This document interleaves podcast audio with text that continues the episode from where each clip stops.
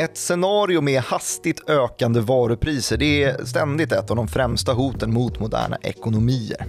När nu samhällen ska återhämta sig från det fundamentala skitår som var 2020 fanns dock nätt och jämnt några sådana farhågor. För trots att pandemin ryckte inte bara liv och lem från oss utan också en hel del trovärdighet rörande det finansiella systemet när börserna ju rusade ikapp till nya rekord trots det här eländet. Då utkristalliserade sig den här separationen från den fundamentala realekonomin tydligare än någonsin.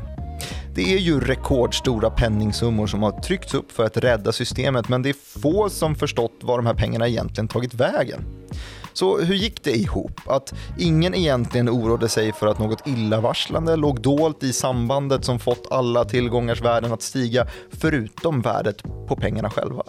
Det här, det är Follow the Money, det är en podcast om makt, storfinans och börsen. Av och med mig, Martin Nilsson och utrikesredaktör Joakim Rönning. I det här avsnittet ska vi klara ut just det. Genom att ge lösningen på gåtan om de skenande priserna på aktier, bostäder, guld, silver och bitcoin. Och framför allt vad det faktum att världens rikaste kines, Jack Ma, plötsligt är spårlöst försvunnen. Jo, precis just han, e-handelsbolaget Alibabas grundare som vi ju känner från bara några avsnitt tillbaka, kan säga oss om vart vi är på väg. Hej Joakim Rönning, kul att det är ny vecka. Tjena tjena, och nytt år är det till och med. Faktiskt, ny mode, Ja. ny glow, samma gamla Och det har blivit killar. väldigt populärt att eh, kritisera ministrar. Så jag tänkte vi skulle börja där. Vem vill du kritisera? Eh, jag vill börja med att eh, ja, dra en lans mot vår justitie och migrationsminister Morgan Johansson. Mojo, kul. Mojo. Ja. Precis, för han twittrade då någonting som jag tycker kan på något vis symbolisera hela den här oredan kring skillnaden mellan realekonomi och fantasiekonomi som vi ju rör oss i någon typ av gränsland idag ju, Mhm. eh, i det här avsnittet i alla fall. Vad sa han? Han sa så här, uh, ska vi se när det var, jag ska citera då rakt ur hans egen tweet som han skickade ut klockan 9.18 den 5 oktober 2020, precis när Stockholmsbörsen hade satt rekord. Då skrev han så här, jaha, Stockholmsbörsen slår nya rekord. Hur kan det komma sig? Dagligen kan man ju läsa i Dagens Industri och Svenska Dagbladet att Sveriges företagsklimat är uruselt. Och där utkristalliserade sig den här separationen från realekonomin tydligare än någonsin. Ja, och att han inte hade en aning om vad han pratade om egentligen. Nej, men, För det är ju en väldig skillnad på ehm, företagen i realekonomin och börsen ju. Så vad, Så vad företagen egentligen tycker om eh, den miljö där de verkar eh, har ju inte nödvändigtvis särskilt mycket med börsen att göra. För det ena är ju väldigt realekonomiskt och det andra är väldigt eh, påverkat av det som vi kanske idag ska kalla för fantasipengar. Mm. Alltså pengar som har skjutits ut från centralbankerna det senaste decenniet med särskilt tonvikt under 2020 ju och pandemins efterspel som slutade i eh, en fundamental finanskrasch där eh, kreditmarknaderna, kreditmarknaderna plötsligt frös till is och ja, man inte längre kunde köpa och sälja ehm, som nödvändigt är på finansmarknaderna för att eh, folk var livrädda och höll i sina pengar. Mhm. Det har vi pratat om tidigare. Men det, skulle du säga att det är ett problem att börsen är så, så hög? Ja, eh, det börjar ju nästan eh, bli det för de som Inte är med? inte är med, ja precis. Det, det här har lett till är ju lite av ett recept på ojämlikhet. Mm. Och vi har väl kanske, det har kanske inte gått tillräckligt lång tid för att vi ska se några konsekvenser av det. Vi kan väl komma till vilka de konsekvenserna kan bli lite senare när vi har rätt ut det här Mm. lite bättre. Eh, om vad som är pengar. Men du, skulle du säga att, att eh, Mojo, Morgan Johansson, hade totalt fel då? Jag menar, sänker man till exempel räntorna på en centralbank så gör man ju miljön för företagarna lite lättare och gör att de kanske kan låna pengar lite billigare och då kan anställa lite fler och då, då drivs ju businessen lite starkare i alla fall. Mm. Eh, Så det finns ju en koppling mellan det han säger, att börsen går bra och att eh, realekonomin går bra. Ja, men nu, nu vet du, verkar det ju ändå inte vara så att uh, företagen... Det är inte riktigt ett till ett förhållande där. Nej, precis. Det är verkligen inte ett 1 till 1 förhållande. Eh, och det är den ena delen av det, det stora hela här. eh, Att eh, fantasiekonomin um, har blivit så pass mycket större än um, nödvändigt eller att, att det finansiella systemet har med hjälp av då centralbankerna räddat undan en ganska så säker undergång i två mm. omgångar här. Alltså 2008 då och eh, under pandemin när som sagt finans och kapitalmarknaderna frös till is. Mm. Eh, och som sagt, vi ser inte konsekvenserna av det här ännu. Men någonting som vi kan konstatera eh, är ju att det inte har gynnat mannen eller kvinnan på gatan i alla fall inte än. Mm. Och att ehm, eh, det upplevs av många vara väldigt märkligt att priser på tillgångar ju skenar samtidigt som inte till exempel löner gör det. Vad, vad snackar vi för tillgångar då? då? Tillgångar som har skenat är ju i princip allt som man kan köpa för de här fantasipengarna. Mm. Eh, alltså de pengar som ingen riktigt vet var de tagit vägen för att de ligger inte i en koffert på någons vind utan i tillgångar såsom bostäder, aktier, bitcoin, guld, silver, you name it. Um, det som har tagit lite fart av de här olika stimulanserna. Ska vi gå in på, på uh, vilka stimulanser? Jag skulle vilja ha en, en nulägesrapport av det lite grann, ja. av vad, vad, vi är. Alltså det första jag tänker på, uh, som vi har tagit upp i den här podden förut också, men då var det en femtedel av alla amerikanska dollar Eh, som finns i världen skapats under 2020. Men det sa jag någon gång i oktober och nu är det faktiskt en, en fjärdedel ungefär av alla. Och då tänker jag då alltså penningmängden M2 ja. eh, som har skapats under under 2020. Från, från dollarns liksom start så är det fortfarande då en fjärdedel. Eh, och det... man, kan ju, man kan ju dra andra sådana där paralleller då eh, och jämföra bakåt i tiden att liksom räddningsaktionerna från centralbankernas håll under 2020 har ju varit i vissa länder 8-10-faldigt eh, större än vad finanskrisräddningen var. Mm. Eh, så det har ju varit en Marshall-hjälp som bara har bestått av eh, fantasipengar i princip. Nu är det väl lite taskigt att säga så eftersom att eh, många länder också har gett ut liksom, fiskala stöd och eh, det har varit prat om helikopterpengar och Ja men det är väl det man snackar om just nu, eh, nästa stimulanspaket i USA där har det varit direkta checkar till, till befolkningen till exempel. Ja. Och så vi har sett samma sak i, i Hongkong var det va? Eh, mm. Där man ja, flera ut. andra ställen också. Men precis där då befolkningen har fått faktiska pengar hem till sig. Och lagt det i en koffert på vinden. Ja, kanske i lite för stor utsträckning då eftersom att vi Alltså om vi ska börja liksom sönderdela det här med fantasiekonomi från realekonomi då så kan man väl um, um, ja, men symbolisera det ena då som det man kan lägga i en koffert och förvara på vinden eventuellt. Men mm. um, det som stater och regeringar då ämnar med de här pengarna är ju att man faktiskt ska få igång en, en uh, efterfrågan i ekonomin. Alltså mm, man ska få, få, in pengarna i, i rörelse uh, genom konsumtion. Mm.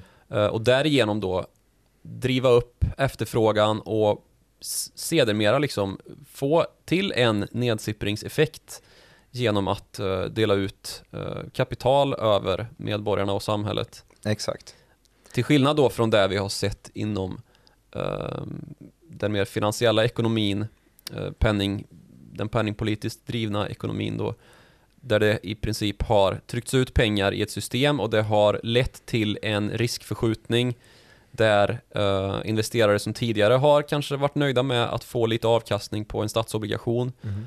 Uh, tvingas ut på allt riskablare manövrer för att hitta någon typ av avkastning överhuvudtaget. Och sen så ramlar man ner till uh, TINA, there is no alternative. Precis, och, och det, det, det, kan vi ju, liksom, det kan vi ju konkretisera då med hur småbolagsaktier har gått det senaste året. Mm. Alltså att Stockholmsbörsen var upp med, vad var det, 6-7% någonting. Mm. Uh, eller alltså OMXS30 då, storbolagsindexet var upp med 6-7% någonting. Eh, det breda indexet över hela Stockholmsbörsen var upp med någonstans 11-12% och eh, småbolagsindex eh, bra mycket mer än så. Alltså Russell 2000 i USA, som ju då är en småbolagslista, har ju ökat med 100% senaste året. Och Um, där, där ser vi ju liksom hur riskförskjutningen har gått då från att man um, har helt enkelt tagit tillflykt till allt mindre bolag för att hitta avkastning. Det finns ju alternativa förklaringsmodeller på det där också, även om jag, jag i regel håller med dig här så är det ju i stora drag så är det ju mer gammel tech eh, på gammel tech, gammel industri på till exempel OMXS30 ja. som kanske har slagits hårdare av pandemin än typ eh, Paradox som är på, vad är de på First North kanske, mm. eh, gamingbolagen eller techbolagen och så vidare, de som vi ofta hittar på de lite mindre listorna. Och det, så det har ju funnits en, ja, det finns ju det är ny teknik som har gynnats under, under pandemin. Så, eh, till skillnad från det där. Men det är som du säger, absolut, det är ju tanken med hela Eh, kvantitativa lättnader i teorin, att investera mm. i, som du säger, statsobligationer och när räntan på dem blir så, så låg så att, man, så att man förskjuter nästa investerare att ta något lite mer riskfyllare alternativ och sen så ramlar det där hela vägen ner till småbolagslistorna. Men eh, vart tar det vägen sen? De som då skulle ha investerat i småbolagslistorna, går de och köper korv sen när, när de förskjuts ännu mer? Eller Nej, men det här, är ju, det här har ju blivit liksom en, en systemomfattande effekt uh, över allt som har med tillgångar att göra. Mm. Och skillnaden då om vi ska dela upp det här ytterligare ett steg är ju att tillgångar är någonting som man kan ha efterfrågan på men inte konsumerar på samma sätt som man konsumerar kexchoklad till exempel. Mm. Alltså du kan ha efterfrågan, du kan, du kan vilja ha en lägenhet till exempel. Du kan vilja ha en bitcoin mm. till exempel. En guldtacka eller vad det nu än kan vara. Ehm, men du kan aldrig liksom, du köper den inte för att göra av med den som i att äta upp den. Eller, eh, du köper liksom. det för att det är en investering. Ja, precis. Mm. Och det är ju den typen av tillgångar då som har svält i värde något, uh, något ofantligt ju under pandemin. Särskilt vad det gäller de allt mer, eller de, de i den högsta liksom riskklassen eller vad man ska säga. Mm. Uh, som sagt, småbolagsindex är upp mångfaldigt mer än de större uh, indexen och längst ner i den här skalan så hittar vi ju eh, statsobligationsräntorna som är på nada i princip. För att eh, centralbanker har köpt upp de andra? Ja, allihopa. precis. Eh, där är ju efterfrågebilden omvänd ju. Ju högre efterfrågan desto lägre. Det här rimmar med en, eh, en, en graf som jag har kikat på lite då och då. Eh, som är, man kallar för velocity of money, alltså omsättningshastigheten i ekonomin. Man mm. mäter egentligen en ganska enkel ekvation där man mäter BNP genom penningmängden i ett land och då ska man då förklara ungefärlig omsättningshastighet av alla pengar i samhället.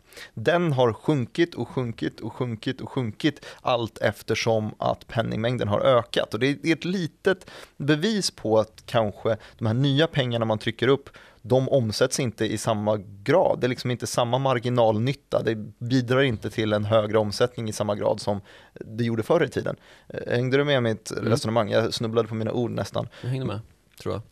tror jag. Men det, det säger någonting om att den här eh, kopplingen mellan, som du säger, typ koffertpengar eller plånbokspengar som man köper kexchoklad av, har inte riktigt inflationen där har inte riktigt mm, utvecklats på samma sätt som det du kallar för fantasipengar, som alltså tillgångspengarna, eh, bostadspengar och så vidare. Kopplingen där är inte, har inte varit än i alla fall ett till ett som eh, teorierna säger att det ska vara. Eh, teorierna säger ju egentligen bara att pengar är pengar och är det inflation i, i aktier då är det Eh, per definition inflation i kexchoklad också på något sätt. Eller det ska vara det i alla fall för att man kan ju i teorin bara sälja av sina SBB-aktier och köpa kexchoklad för det om man vill. Men det har folk inte riktigt gjort verkar det som. Nej, precis. Eh, och det har ju att göra med att den här tillgångsökningen inte omsätts för att den hamnar hos eh, ofta redan ganska så förmögna personer. För ju,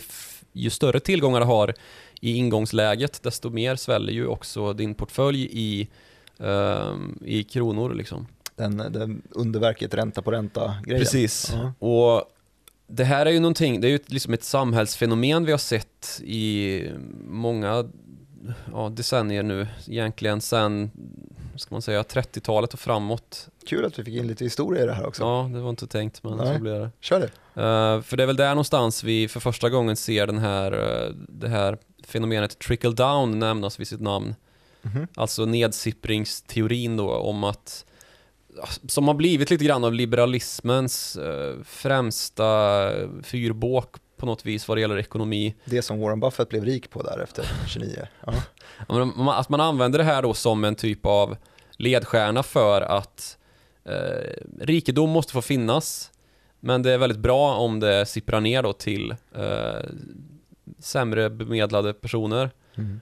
Och att det faktiskt är möjligt då är ju själva utgångspunkten för att man kan eh, nyttja den som ett politiskt verktyg som man ju har gjort genom åren. Mm. Och det har ju skapat, eh, det har ju varit, varit en, en betydande del av kapitalismen och vad som har fört fram kapitalismen till att bli en väldigt framgångsrik ideologi för att eh, Man främjar företagen och då främjar man i sin del ja, innovation precis, på något För sätt. innovation och för att nå framsteg för hela mänskligheten. Eh, vi har precis liksom, liksom, vi är mitt uppe i en pandemi och vi har lyckats skapa ett vaccin på några månader. Mm. Ehm, och vi har utrotat sjukdomar i, liksom, i en bredare mening också de senaste hundra åren i en takt som vi aldrig har sett röken av tidigare. Och vi har en teknisk verkshöjd idag som, som också är ren magi liksom, om man jämför med för ibland bara 10-12 år sedan tillbaka som när smartphonen kom Mm. och man bara några år tidigare hade tänkt att det är ju inte en liksom, framtid som är så snar. Otrolig utveckling överallt förutom i flygindustrin. Ja, typ. Ja. Ehm, men då att um, ja, trickle down då, eller nedsipppringsteorin har ju lyfts fram då genom, genom seklen som en teori som möjliggör då att, att, eh, att liksom de rika förser ehm, de sämre ställda genom att de konsumerar i princip. Mhm. Och det, samman, det sambandet har ju visat sig ganska svårt att bevisa stämmer då de senaste, eh, eller ju längre tiden har gått egentligen. Ger man en, en hundralapp till en miljardär och en hundralapp till en fattiglapp så, eh, så konsumeras inte hela hundralappen av miljardären medan större delen av hundralappen konsumeras av fattiglappen. Ja, precis. Och därmed så, så För människor har, alltså människor är människor och människor eh, be, har ungefär lika stora behov, eh, eller i alla fall inte lika stora behov, behovsskillnader som skulle behövas då för att den här trickle down effekten skulle eh, fungera på riktigt. Mm. Sen så finns det naturligtvis, alltså en av de främsta eh, kritikpunkterna liksom, punkterna mot motsatsen till kapitalism, alltså socialism och, och kommunism, är Mm. ju att det, det hämmar all typ av innovation och nytänkande och att det är liksom baksidan med ehm, att, att förbjuda folk att ha stora rikedomar. Mm. Ehm, och det stämmer ju, det är ju det största problemet. Men, men hur har det sett ut eh, historiskt då med, med valutor? Du började på, på 1930-talet någonstans, men jag vill snacka lite grann om valutor tänkte jag. Mm. Um, för nu börjar vi ju närma oss någon typ av skede här när jag rent personligen märker av att allt fler ställer sig, alltså i min egen omgivning ställer sig frågan till sig, men vad, vad, vad, vad är det som gör att en lägenhet kan gå upp så här mycket i pris eller att bitcoin plötsligt rusar med liksom flera hundra procent eller att Tesla-aktien är genom taket varenda dag.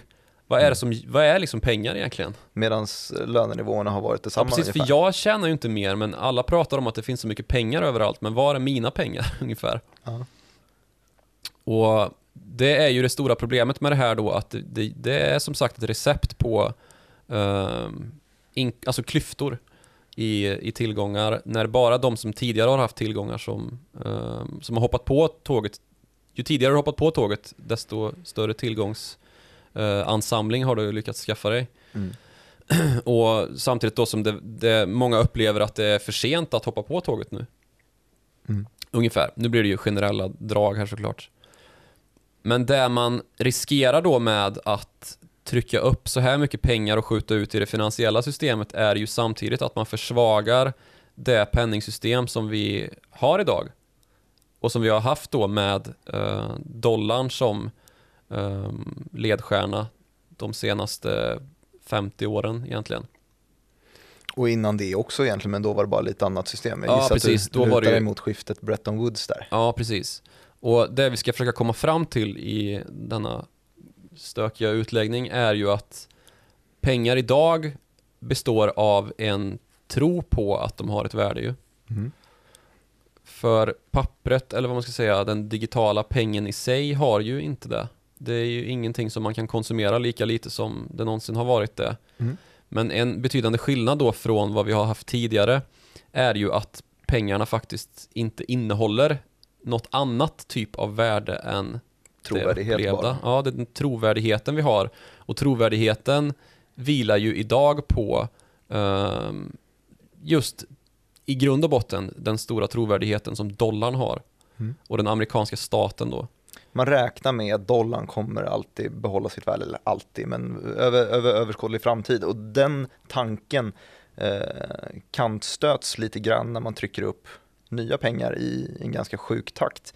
Ja. När, när en fjärdedel av alla dollar är skapade under 2020 Mm. eh, så är det på bekostnad av trovärdighet då. Eh, och eh, det blir tuffare när man inte har en, en inbyggd liten guldmyntfot eller någonting som det då var från Precis, och det är ju det som är början. för 50 år sedan då. Eh, För jag räknar rätt va? Ja, när vi var Ja men det är 70-tal. 71 var det väl som man övergav den. Ja. Och lät alla valutor i princip flyta fritt istället. Inte alla valutor, men dollarn. Och um, sen dess så har vi ju egentligen räknat dollarn som riktmärket för alla valutor. Mm. Att man jämför med dollarn i väldigt stor utsträckning. Vad kostar en krona mot dollarn? Det är inte eh, lika mycket. Vad kostar en krona mot eh, andra ting? Menar du då att eh, det, vi, vi börjar gå tillbaks mot någon form av myntfot?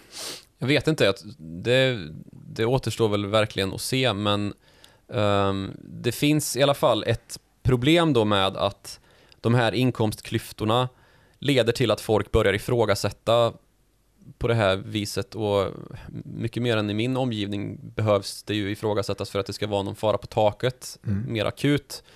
Men vi har ju ändå sett en ganska så ja, men noterbar våg av oro i just USA.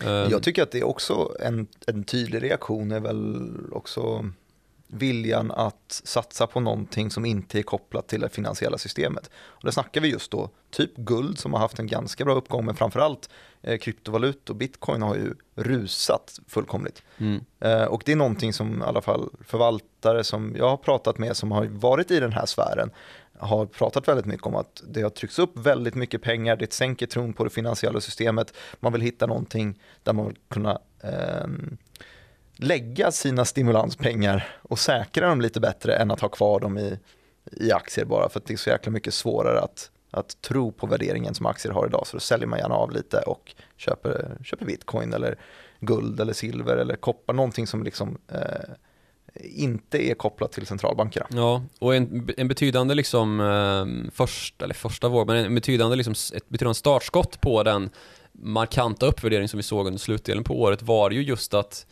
eh, ganska etablerade, nu var det ju fintechbolag så det var inte banker, men ganska etablerade fintechbolag i alla fall som Paypal och vad heter de, Eh, Square, alltså Twitter-grundaren Jack Dorseys fintech bolag som eh, gick ut med att man nu har möjliggjort bitcoin-plånböcker och att man har tagit en ganska betydande position själva då i bitcoin. Mm. Vilket ju skänker legitimitet till det här. Och det pratas det ju väldigt mycket om bland analytiker som försöker ge ett svar på varför just kryptovalutan nu i denna tid har blivit så pass populär. Ehm, trots då att vi inte ser någon inflation, för det är ju det som många har befarat ju att det här eviga pe- penningtryckandet borde leda till inflation. Exakt, Alltså- vi hade ju, alltså, jag kollade på månadsbasis nu på Riksbankens hemsida, 0,2% inflation. Mm. Det är milsvägar under inflationsmålet liksom, trots att vi har eh, rekordmycket stimulanser. Ja. Och det har ju att göra med att eh, den här enorma penningmängdsökningen har hamnat hos ett fåtal. Mm. Och att klyftorna har ökat ytterligare. Kan det inte bara vara att det är en liten delay, en liten förskjutning i tid från att, att trickle down börjar trickla down? Att det tar ett tag innan det når ner till inflationen och, och spetsar på. Jag menar, det har inte varit stimulanser så pass länge ändå. Nej, och sen får man vara noga med oss. Nu är det ju centralbankstimulanserna vi pratar om och de här fiskala stimulanserna har ju låtit vänta på sig i större utsträckning, bland annat här i Sverige. Just det, vi har till exempel snackat om blockaden som eh, eh, Polen och var det Ukraina stod för i, i EU. Polen och Ungern. Ungern var det, förlåt. Ja, ehm, till exempel. Men eh, Skönt att framförallt det är då, du som utrikesredaktör. framförallt då Ja. kanske det här eh, bråket som har varit i amerikanska kongressen om det här, det här stödpaketet som nu har betalats ut på 600 dollar per medborgare Mm. eh, och som nu vid nattens val då i Georgia eh, för det kommer väl bli klart i någon utsträckning här under onsdag morgonen Mhm. i den här veckan, första Hur viktigt är det? Skriver du mycket om det nu eller? Ja, eller det blir ganska, det, jag skriver inte så mycket om det här som att vi mest bevakar bolag, men det, det blir ju väsentligt, särskilt för vissa branscher ju. Mhm. Eh, men det, om vi ska hålla oss till det här så, så blir det ju intressant just för att Demokraterna vill ju dryga ut den här checken ganska betänkligt Mhm. och gå från 600 dollar till totalt kanske i 2000 dollar per skalle. Eh, och där har vi ju riktiga pengar som ju skickas ut till eh, folk och fä. Eh, och just man hoppas kunna omvända eller använda de här pengarna till konsumtion, driva på efterfrågan och få upp lite inflation då. De måste inte gå trickle down-vägen utan de går direkt in Precis. till privatpersoner och in på ett Robin Hood-konto istället kanske. Robin Hood som är amerikanska Avanza där folk köper Som har aktier. fått ja, Ja, rekordinflux av nya Ja, eh, så är det.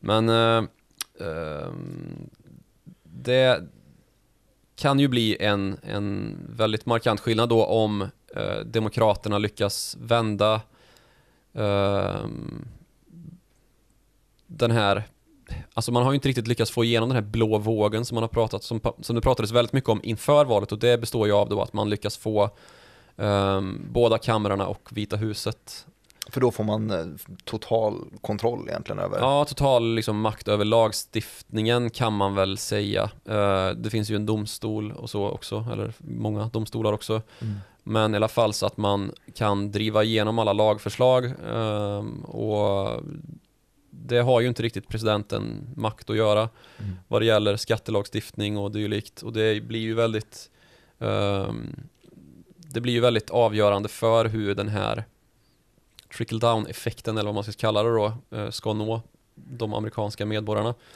Och det här är ju som sagt ett problem som har inte uppstått i pandemin utan det, det är ju en trend som har varat under hela 1900-talet och fram till våra dagar. Att rika blir rikare. Ja, precis. Och det är ju någonting som har tagits upp av akademiker som eh, Thomas Piketty som skrev den här boken Capital in the 21st century för ja, det är väl snart tio år sedan. Det var ju ett väldigt omtalat verk, eh, ett paradverk liksom för att man bör jämna ut inkomstklyftor eller kapital ehm, förmögenhetsklyftor ska jag säga. Och hans svar på det hela var väl att beskatta kapital, eh, kapitalinkomst ganska hårt eller? Ja, tax the rich lite grann. Ja. Ehm, och det är väl någonting som jag tror att vi till slut kommer komma fram till om vi inte når ett lite mer eh, domedagsprofetiskt alternativ att det blir den här sociala oron och någon typ av nästan revolution för att ehm, ta pengar från de rika och Robin Hooda ute över ehm, befolkningen. Att man faktiskt börjar beskatta eh, de här enorma inkomst, eller inte inkomster är fel, det, det handlar inte om inkomster utan det handlar om rikedomar, alltså förmögenheter. Mm. Att man börjar beskatta förmögenheter eh, på, på ett eller annat sätt och det är ju någonting som har varit uppe för tal i många länder, bland annat Sverige, men där just en sån sak som arvsskatt eller fastighetsskatt har liksom dömts ut som en omöjlighet för att liksom, eh, det politiska motståndet skulle vara för stort. Mm. Eh, det är för många som skulle drabbas. Eh, och det är ju, Det är ju bara för stort tills den punkten då det inte är tillräckligt stort längre. ja eller tills, tills oppositionen uppstår och det blir eh, övermäktigt. Mm. Men det verkar ju inte riktigt som att det är vält, brädet har vält än. Och ja, det är ju också kanske ett problem med eh, liksom kapitalismen och liberalismen och demokratin ju, att vi har korta beslutsgångar. Men en rejäl börskrasch skulle ju kunna ändra på det här i alla fall. Ja, precis. Och det är kanske någonting sånt som skulle kunna eh, bli proppen ur då. Det får vi ju hoppas att det inte blir, men ehm, så att den här fördelningen tar fart liksom. Mm. Och det de här akademikerna vill uppnå är ju då att man ska få på fötterna för att kunna börja beskatta de rika, även om det är väldigt svårt, eller tycks vara väldigt svårt i alla fall, särskilt i USA ju, där rörelsen har varit den motsatta de senaste fyra åren då, att man sänkte skatter på kapital och in, vet du, höginkomsttagare Mm. fick sänkt skatten snarare än tvärtom. Vart blåser vindarna just nu då? Eller det kanske är dumt att prata så eftersom att vi spelar in det här tisdag och Ja, det ska precis. komma ett och besked valet i... sker just nu. Ja, exakt. Så att, eh, när ni lyssnar på det här så har vi kanske ett svar Precis. på vem som har vunnit. Eh, ska- hur, hur reagerar börsen på de olika alternativen då? Det beror nog på lite grann vad, jag, det verkar som att Alltså av den här reaktionen som vi fick på själva presidentvalet att döma så är ju börsen ganska glad i det här låsta läget som det ju blir när Republikanerna sitter med makten i senaten.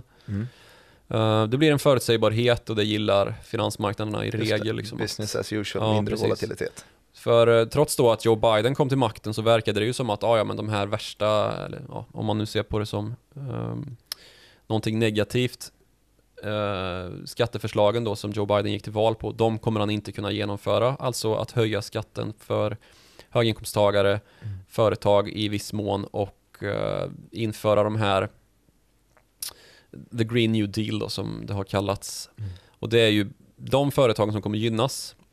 Eh, alltså företag inom gröna sektorer där man ska ställa om energisystemet till Om Demokraterna. Precis, om Mm. Demokraterna nu Mm. lyckas vända på, eh, på Georgia, för det är ju en republikansk delstat i, i regel.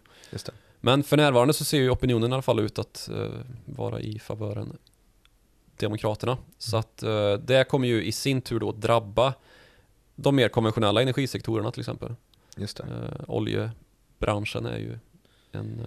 Det har ju blivit en... en ja, har där, ju blivit där har vi i alla fall fått en liten Ja, jag hade ju ingen, ingen inflation i faktiska pengar, men oljepriset i alla fall, den har ju blåsts upp lite grann eh, mot, från de lite lägre nivåerna vi hade tidigare i alla fall. Kanske lite mer vaccinstyrd nyhet, men vi är över 50 dollar per fat i alla fall på. Ja, och sen så har ju verkstadssektorn ångat på. Det har ju varit den stora, ska man säga, ehm, skrällen under pandemin att eh, tillverkningsindustrin går så oerhört starkt, särskilt i Sverige ju. Eh, vi fick ju in inköpschefsindex här i början på veckan och de är ju starkare än, det var ju en större skräll det än eh, Än någonting annat.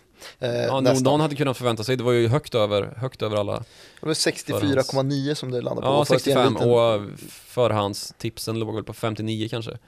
För att ge en liten recap på vad PMI är också så är det då det är eh, inköpschefsindex, purchasing managers index och det är alltså cheferna på de olika företagen som får fylla i en enkät på hur mycket de har eh, lagt ordrar, anställt folk, avskedat folk och så vidare. Så sammanställs det här i, ett litet index eh, som ehm, ligger på 50 om ekonomin eh, står still och presterar lika bra som det gjorde månaden innan. Eh, är det över 50 så expanderar ekonomin och under 50 så är det det motsatta. Mm, en ofta motsedd indikator. Exakt, men det är för industrin det där då. Och tjänste-PMI Kommer senare i veckan senare. och det är ju den sektorn som har det svårast under pandemin. Det har vi ju ganska lätt kunnat se. Det är bara att titta ut på sin närmaste storgata, vart man nu bor och se att de, många butiker håller stängt och Ja, det finns, det finns ju olika servicesektorer också. Många servar ju just verkstads och indus, alltså industri överlag.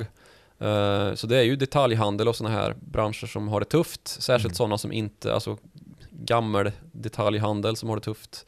Uh, sådana som inte finns på internet och dylikt. Eh, men vi det blir, ett, det blir intressant att läsa av det i alla fall på, här i slutet på veckan och se hur, hur det egentligen ser ut. Och det, Se om, eh, om eh, Mojo har, har rätt eller fel helt enkelt. Eller det kanske är klart att han har det är fel. klart.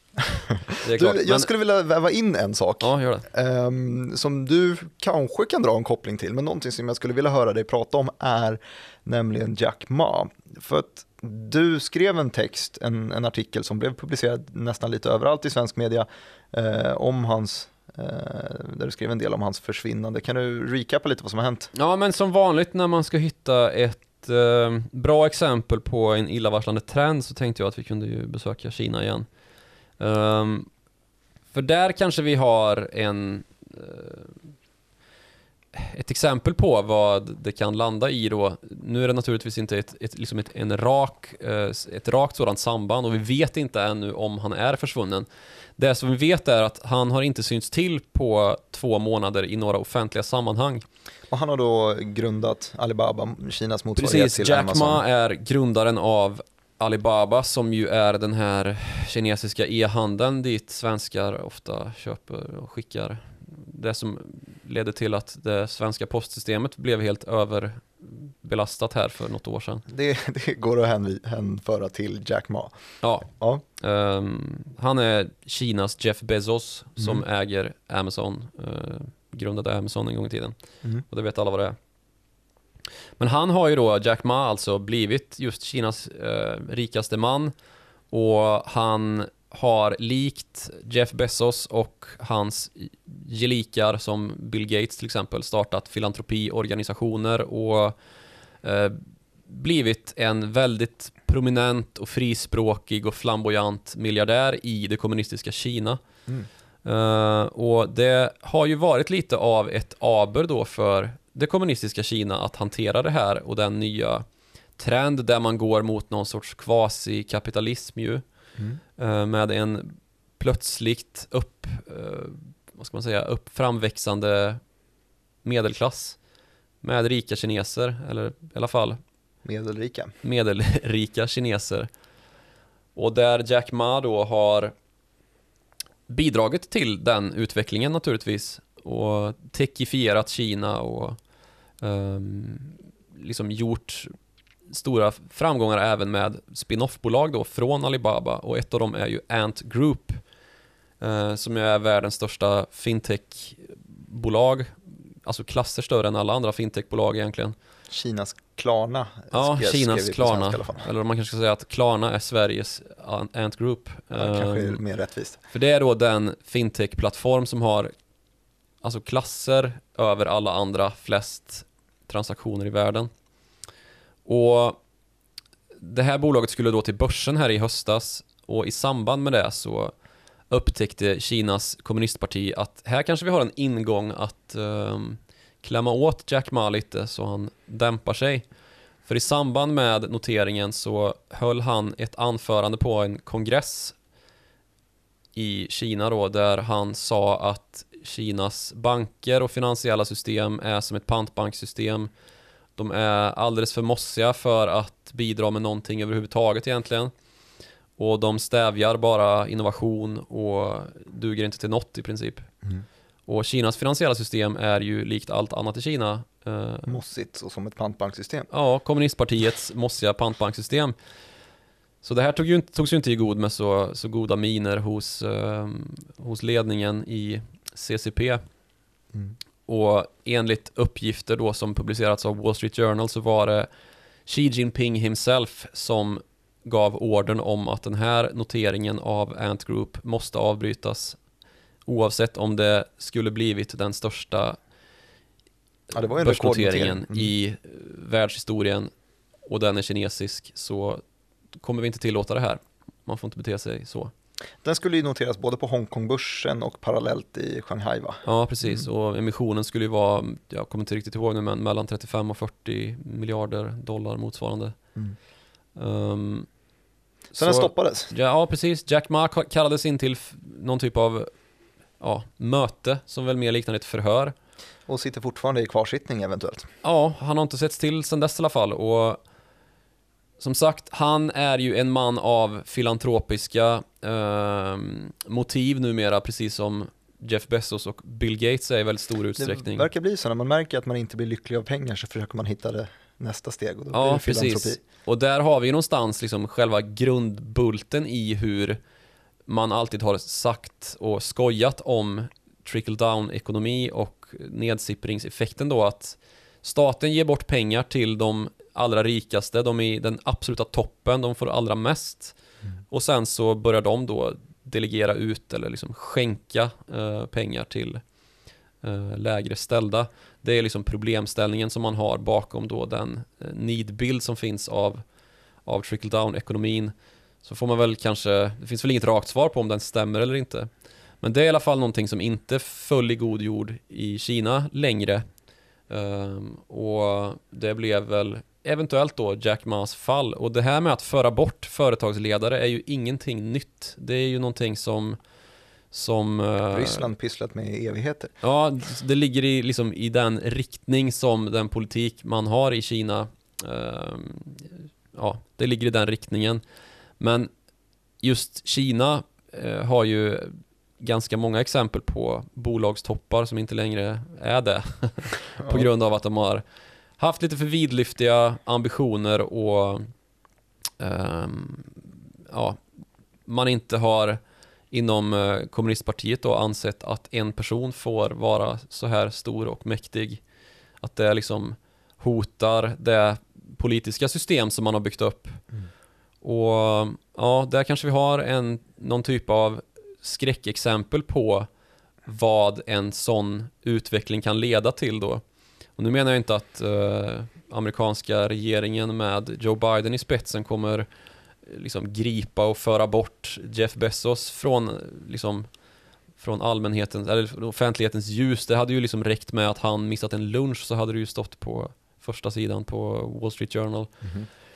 Men eh, kanske att det blir en sån rörelse till slut då ändå att man börjar beskatta eh, den typen av rikedom som just han sitter på. Och det finns det ju faktiskt till och med sådana i hans kläder som hävdar att det borde vi göra. Mm. Eh, ganska framträdande namn till och med. Jag tänker att det här är en, eh, en ganska tydlig pusselbit i nästa del av handelsdiskussionerna för någonting som ehm, vi har pratat om väldigt, väldigt mycket i den här podden har ju varit ehm, ett handelskrig mellan Kina och USA eh, och framförallt att spelbrickorna i det här handelskriget har varit till exempel att ehm, kinesisk företagande inte ehm, inte är lika fritt som, som ehm, västvärldens. Och Inte riktigt. inte riktigt lika fritt. Och att det här har varit någonting som man har sagt att ah, ja, men därför kan vi inte göra, göra affärer med Huawei till exempel. Eh, och nu har Kina då eventuellt, han, han har ju bara varit borta, det är ingenting som har bekräftats än. Det kanske är så att han tog en, en semester. Han är på spa Eh, någonstans. Dan Eliasson. Ehm, Men när man då märker att eh, de har, eh, de har, om de har fört bort honom så är det här en, en tydlig grej att ah, nej men Alibaba är inte fritt utan man kan plocka bort eh, ett av Kinas absolut största bolags vd på, på, på pricken sådär. Mm.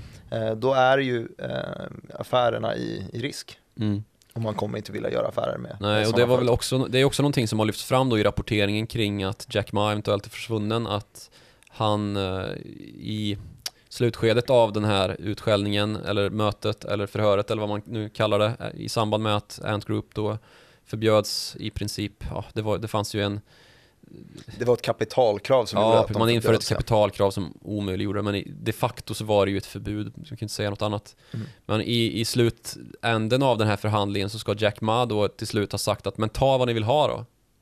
Ni får liksom, Kinas, sta, staten Kina får rätt att ta vilka delar av Ant Group ni anser att ni behöver. Så, så gör vi vad vi vill och kan med resten. Mm. Men det följer ju inte heller tillräckligt eh, Kinas smak. Så där har vi ju lite skillnaden på Eller så hur tog de vad de ville ha, de hanteras. tog Jack Ma. Ja. Det är han som var geniet hela Det tiden. kanske var det som var grejen. Mm. Ehm, men då eh, ska jag säga att vi ska ju inte måla fan på väggen. eh, Det har vi gjort i 40 minuter Ja, nu. precis. Men vi ska inte avsluta på det här sättet, för det finns ju då en tänkbar utväg ur det här och det är ju att det visar sig att de här centralbankspengarna och det här liksom upprätthållandet av vårt finansiella system har varit tillräckligt lyckat för att man ska börja se då en tillväxt igen. För tillväxt är ju någonting vi har väldigt svårt med i västvärlden numera ju. Mm. USA och Europa har ju sett en marginell tillväxt eh, de sen, ja, sen finanskrisåren och en bit innan dess också. Mm. Skulle det nu visa sig att vi får fart på tillväxten igen, då är ju det ett sätt som, eh, som varslar om att vi faktiskt har eh, nått någon typ av trickle-down-effekt, att vi har fått igång efterfrågan igen och Hittat ett recept som precis fungerar i hittat ett recept som Det är fungerar. faktiskt en, en intressant tanke just eftersom att det är en som inte debatteras särskilt mycket. Jag har inte sett det från så många det är oftast de som skriker högst är de som är väldigt oroliga för att oj, det här är skit, nu, nu går det åt helvete. Eh, men det finns ju en sannolikhet ändå som man inte kan avfärda att eh, folk, centralbanker har agerat helt rätt och att det här var så dåligt som det blir och nu är vi mm. på återhämtningens väg istället. Ja, och sen kan man ju prata om inflation också, vad det nu egentligen är. Inflationen som vi mäter, alltså inflation som begrepp är ju ganska klart vad det är. Det är mm. liksom, eh, pristryck, det är pengars värde. Mm. Men hur man mäter inflation är en helt annan sak. Det är ju ett ytterst subjektivt, um, en ytterst subjektiv mätning av en korg med varor. Som, som inte innehåller evolution till exempel. Nej, evolution. det är någon som har gått upp väldigt mycket. Sinch då? Tesla. Tesla. Ja. ja.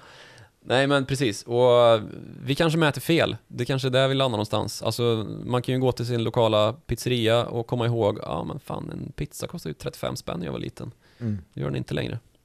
Nej, det finns många sådana lokala eh, betraktelser också på eh, noterade idag juicen på, eh, på Holy Greens här nere, den har definitivt blivit drabbad av inflation. Dyr salladslunch här i Väldigt dyr, väldigt dyr. Um, jag tycker att vi uh, sammanfattar. Ja, eh, en, jag vill bara lyfta fram en, en lite oroande aspekt ur det här innan vi sammanfattar. Aha, och det, det är att om vi nu får igång inflationen och vi alltså går mot en, en högre takt av inflation än vi klarar av, mm. alltså där man behöver höja räntor och där det blir väldigt svårt att betala tillbaka på de här höga lån som mm. folk har tagit nu när det är så billigt att låna. Mm. Och där då statsskulder står och sväller, eh, då blir det farligt att få upp förväntningarna på inflationen det kan vara en av de första grejerna som man ser röken av som en del analytiker i alla fall har lyft fram som en av de stora riskerna Ta det, ta det igen, vad var indikationen man skulle kika på? Inflationsförväntningarna. Mm -hmm. För inflationsförväntningarna kan i sig leda till att vi får en höjd inflation, ju naturligtvis. Mm. Och jag såg här precis innan jag gick in i studion att i USA så um, trippade inflationsförväntningen upp, den långa inflationsförväntningen, tvååriga, upp till 2%. Okay. Och det är den högsta nivån sedan i början av 2018. Så antingen har man förtroende för centralbanken eller så har man inte det eh, med den höjda inflationsförväntningen. För målet är ju då att ligga på 2%. Ja, precis. Men om den nu fortsätter då så, så finns det kanske... Risk för oro där. Då ja. är det ut med Ingves, in med Bengt Dennis igen och upp med räntorna. Bitcoin myntfot. Bitcoin, Bitcoin-fot. bitcoin myntfot vore kul i alla fall. Ja. Men då, då behöver man egentligen inte, man skulle väl bara kunna köra bitcoin då i, i så fall. Eh, sammanfattning här var att vi började någonstans vid Morgan Johansson eh, förklarade att han eh, inte inte förstod skillnaden mellan realekonomin och, och börsen eh, och ställde oss frågan, är det ett problem att börsen är så här hög? Och du sa ja, det är det. Eh, vi pratade om varför den blivit så hög och det var just stimulanserna. Jag nämnde tio gånger ungefär att eh, en fjärdedel av alla amerikanska dollar har skapats under 2020. Det finns många andra. Ja, men då var det en tredjedel, nej, en femtedel.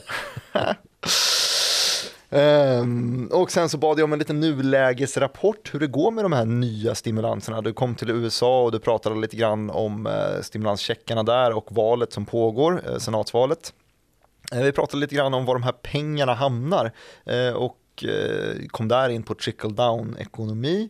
Vi sa att trickle down ekonomi har blivit hårt kritiserat för det verkar som att det är stopp någonstans. Det ramlar inte utanför småbolagslistorna i alla fall ner till kexchokladpriserna för de ligger typ stabila, i alla fall om man lutar sig mot Riksbankens inflation som pekar på 0,2% plus just nu. Eh, hur har det sett ut historiskt? Du pratade Bretton Woods guld, guldmyntfot där eh, pengar faktiskt hade ett värde pengar hade ett värde, ja, exakt, tack för inputen. Eh, och sen så gick vi till vad är pengar idag?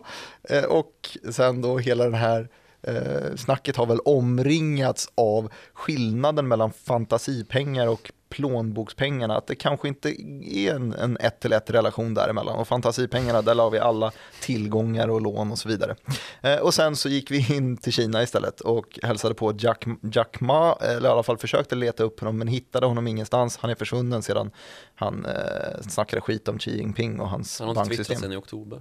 Nej, det är tufft. Eh, och där i så är vi klara och nu så kan ni jättegärna höra av er till oss och det gör man på followthemoney@direkt.se eller så kan man nå Joakim Rönning på Twitter, det gör man på snabel Joakim Ronning. Och Martin Nilsson når man på snabel direkt Martin. Ja, när ska vi sluta med det där? Aldrig kanske. Nej, det är bra.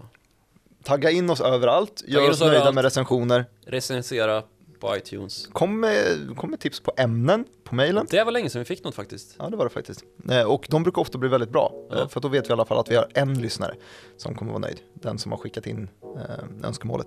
Eh, Då blir vi glada och motiverade. Eh, Ha det så otroligt fint så hörs vi igen om en vecka.